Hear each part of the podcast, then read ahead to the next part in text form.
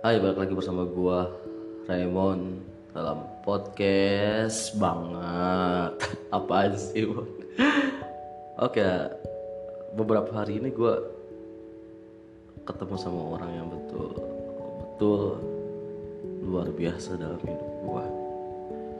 Yang mengubah pandangan gua yang sangat idealis ini. Orang yang membuka mata gua bagaikan bintang yang terus menyala di dalam kegelapan. Gelapannya selama ini melingkupiku, tapi selalu buat aku bahagia karena ada bintang di situ yang selalu menyadarkan aku bahwa ada cahaya di sana.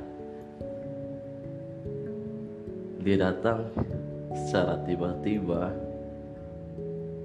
dan ya dan percayakan pada saya untuk memegang cahaya itu. Memegang cahaya itu hingga nggak lepas lagi.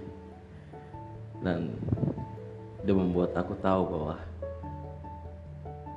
bahwa bahwa cinta itu nggak memandang namanya seks.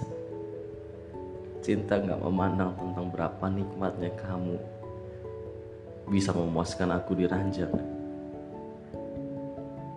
tetapi